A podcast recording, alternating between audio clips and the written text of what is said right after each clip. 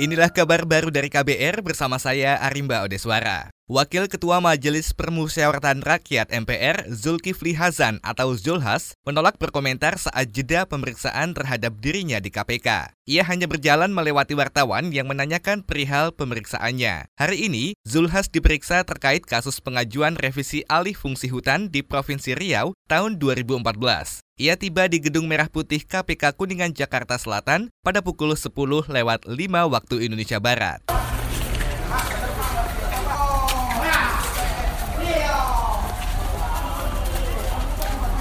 Diproses, Pak. Ketua Umum DPP PAN itu diperiksa untuk tersangka korporasi, yakni PT Palma. Perkara itu merupakan pengembangan dari hasil OTT pada 25 September 2014 lalu. Saat itu, KPK menetapkan Gubernur Riau periode 2014-2019, Anas Ma'amun dan Ketua Asosiasi Petani Kelapa Sawit Indonesia Riau, Gulat Medali Emas Manurung. Pada 29 April 2019, KPK telah mengumumkan tiga tersangka terkait pemberian hadiah atau janji pengajuan revisi alih fungsi hutan di Provinsi Riau kepada Kementerian Kehutanan tahun 2014. Tiga tersangka itu adalah sebuah korporasi PT Palma, legal manager PT Duta Palma Group tahun 2014, Suheri Terta atau SRT, dan Surya Darmadi, pemilik PT Darmex Group atau PT Duta Palma.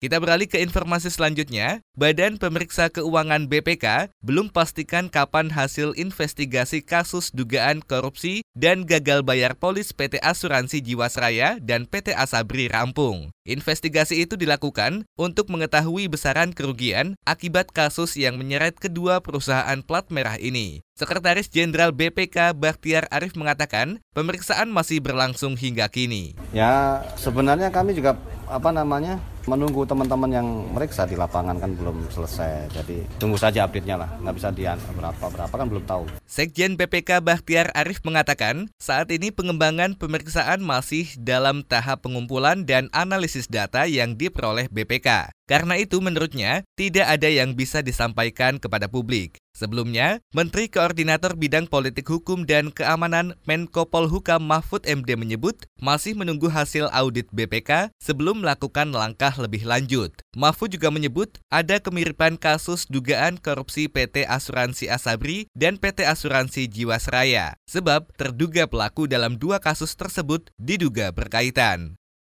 Pemerintah didesak untuk meminta informasi ke pemerintah Tiongkok soal dugaan satu warga Cina yang positif terpapar virus corona jenis baru, Jin. Warga Cina tersebut sebelumnya bepergian ke Bali pada akhir Januari lalu. Direktur Yayasan Pemberdayaan Konsumen Kesehatan YPKKI, Marius Wijajarta mengatakan, harusnya ada pemberitahuan soal dari Tiongkok terkait warganya itu. Sebab kata dia, informasi yang beredar hanya dari media, bukan berita resmi dari pemerintah Tiongkok. Iya, government to government kan ada. Apalagi ini kan udah wabah global. Ada aturan yang nggak sembarangan dari media ngomong begitu gitu. Jadi ada pertanggungan jawab dari Cina ngasih tahu Kemenkes Cina ngasih tahu Kemenkes sini. Nanti dari, dari berdasarkan itu kan Kemenkes ini bertindak. Direktur Yayasan Pemberdayaan Konsumen Kesehatan YPKKI Marius Wijajarta menghimbau pemerintah Bali khususnya meningkatkan pengawasan dan peningkatan pengecekan di beberapa titik yang disinggahi warga Cina itu selama dia di Bali. Sementara itu, baik Kemenkes maupun Dinas Kesehatan Bali membantah bahwa jin terpapar virus di Bali.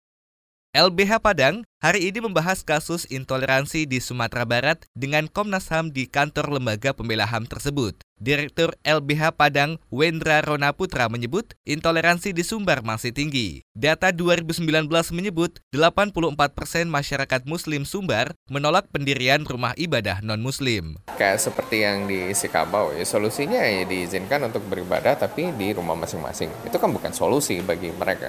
Atau teman-teman di Lunang Silaut yang dia sebenarnya juga tidak ingin mendirikan gereja, hanya semacam rumah doa, satu rumah yang difungsikan bagi mereka untuk bisa berkumpul dan beribadah bersama. Nah, itu pun juga di, tidak diizinkan. Direktur LBH Padang Wendra Rona Putra mengungkapkan 57 persen masyarakat muslim Sumbar menolak non-muslim menjalankan ibadah di sekitarnya tempat tinggalnya dan 33 persen masyarakat muslim Sumbar menolak pertentangan dengan non-muslim. Wendra menyebut masyarakat Sumbar enggan disebut intoleran, namun inklusivitas di Sumbar masih tinggi. Wendra meminta pemerintah lebih memperhatikan persoalan intoleransi dan mendorong diskusi publik peningkatan toleransi di Indonesia. Demikian kabar baru dari KBR, saya Arimba Odeswara.